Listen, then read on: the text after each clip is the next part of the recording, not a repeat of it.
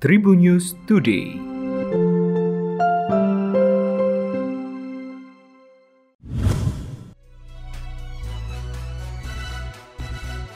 Halo Tribuners, berjumpa kembali bersama Memes. Memes akan berbagi informasi untuk kamu dimulai dari berita nasional,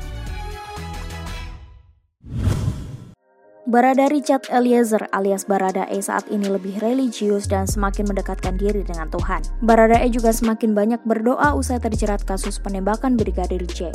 Meski begitu, Roni menyebut masih ada trauma dari diri kliennya atas kasus yang menjeratnya tersebut sehingga butuh pendampingan psikologi.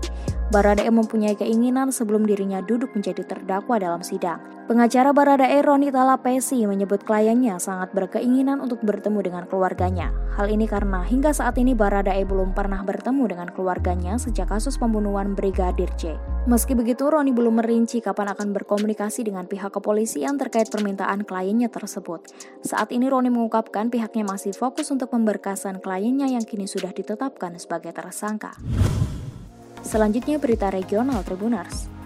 Fitriani, seorang mahasiswa Universitas Hasanuddin atau Unhas Makassar meninggal dunia di Rumah Sakit Pendidikan Unhas setelah terjatuh dari lantai 3 gedung asrama mahasiswa pada Jumat 9 September.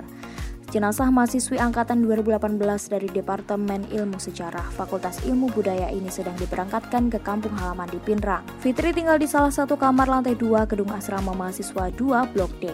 Camat Tiroang, Pinrang, Ansarudin Maramat saat dikonfirmasi membenarkan peristiwa tersebut.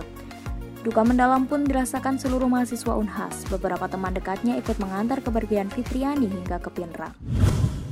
Selanjutnya berita selebriti Tribuners. Ajang Miss Indonesia 2022 akan digelar setelah sempat terhenti karena pandemi yang melanda Indonesia. Carla Yules yang menjadi Miss Indonesia 2020 tak sabar menanti penerusnya di ajang tersebut.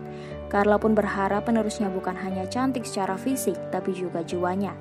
Ia tak ragu untuk berbagi ilmu untuk para peserta Miss Indonesia 2022. Sementara itu, Chairwoman of Miss Indonesia Organization Liliana Tanusudipyo sangat senang karena bisa kembali menggelar ajang tersebut setelah sempat tertunda. Seperti tradisi sebelumnya, pemenang Miss Indonesia 2022 nantinya berhak mewakili Indonesia di ajang Miss World. Tahun ini jumlah kontestan Miss Indonesia menjadi 37, menyusul bertambahnya Provinsi Indonesia karena ada pemekaran Provinsi Papua yang menghasilkan tiga provinsi baru, yakni Provinsi Papua Selatan, Papua Tengah, dan Papua Pegunungan.